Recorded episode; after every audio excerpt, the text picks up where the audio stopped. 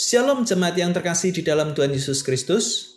Penuntun saat teduh Sinode Gereja Kristen Jakarta hari ini, Rabu 4 Januari 2023. Kamu adalah imamat rajani, Wahyu 5 ayat 9 dan 10.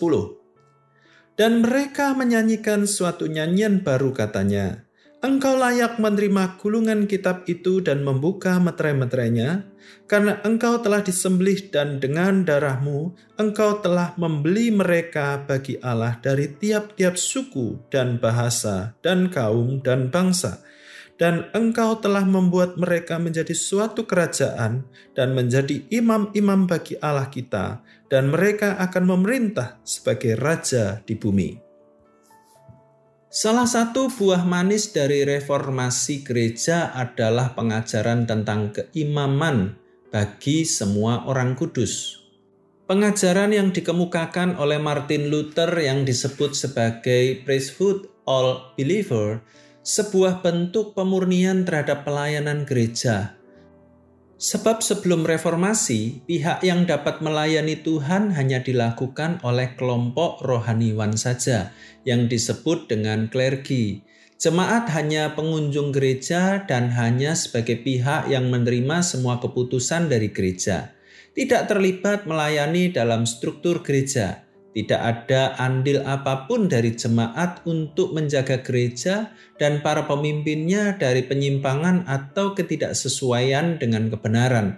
Lewat pengajaran ini, jemaat kembali dilibatkan dalam pelayanan gerejawi.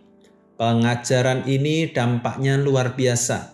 Pengajaran ini perlu untuk dilakukan dan dipahami dengan tepat dan benar untuk segala zaman. Dalam nas yang kita renungkan hari ini, kita membaca kalimat pujian yang dinaikkan oleh tua-tua menyatakan bahwa Engkau, Tuhan, telah membuat mereka, jemaat, menjadi suatu kerajaan dan menjadi imam-imam bagi Allah. Kalimat ini sejajar dengan 1 Petrus 2 ayat yang ke-9, Kamulah imamat rajani. Maksudnya adalah jemaat Tuhan merupakan imamat yang rajani imam-imam yang melayani Yesus, Sang Raja. Apa yang menyebabkan jemaat dapat disebut imamat yang rajani itu? Pertama, identitas ini diberikan karena karya Kristus yang terlebih dahulu melayani kita dan mati menebus dosa kita. Ia menyelesaikan atau menuntaskan karya keselamatan dengan gambaran gulungan kitab yang termeterai yang hanya mampu dibuka oleh Kristus, Anak Domba, ayat yang pertama sampai ayat yang ketujuh. Tidak ada yang lain yang mampu membuka gulungan itu, artinya tidak ada yang mampu menyelesaikan dan menuntaskan karya penyelamatan selain Yesus Kristus. Kedua, dalam identitas baru itu melahirkan sebuah nyanyian baru, meninggalkan pandangan lama dan hidup lama dalam Perjanjian Lama tentang imamat yang hanya tertuju kepada kelompok tertentu tetapi itu justru imam yang melayani datang dari segala suku, bahasa, dan bangsa. Artinya setiap umatnya dapat melayani dia sesuai dengan talenta dan karunia yang dimilikinya. Ketiga, Tuhan juga memberikan kuasa untuk mengerjakan pekerjaan sang raja, ayat yang ke-10. Tuhan akan memampukan mereka melayani dia.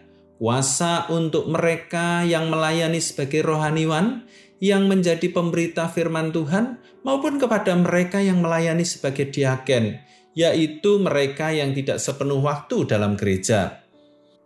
Tidak seperti masa sebelum reformasi, gereja pada masa kini membuka ruang sebesar-besarnya untuk semua jemaat dapat terlibat dalam pelayanan. Hal ini seharusnya disambut dengan sukacita dan ucapan syukur. Tuhan yang telah menebus kita, dia juga melibatkan kita dalam pelayanan baginya sesuai dengan talenta dan karunia yang dia berikan. Tidak memandang status atau golongan kita. Jangan sampai kesempatan melayani ini justru diisi dengan gerutu ataupun sikap apatis terhadap tubuh Kristus. Seharusnya ketika Tuhan berikan kesempatan kita untuk melayani Dia, dengan segala kelemahan dan keterbatasan waktu yang kita miliki, kita bersyukur atas ruang pelayanan itu dengan melayani Dia selama masih ada kesempatan. Ingatlah bahwa kamu adalah imamat rajani yang telah ditebus Kristus. diberikan kesempatan melayani dalam keterbatasanmu. Karena itu, layanilah dia sang raja kita dengan penuh ucapan syukur. Selamat beraktivitas, Tuhan Yesus memberkati.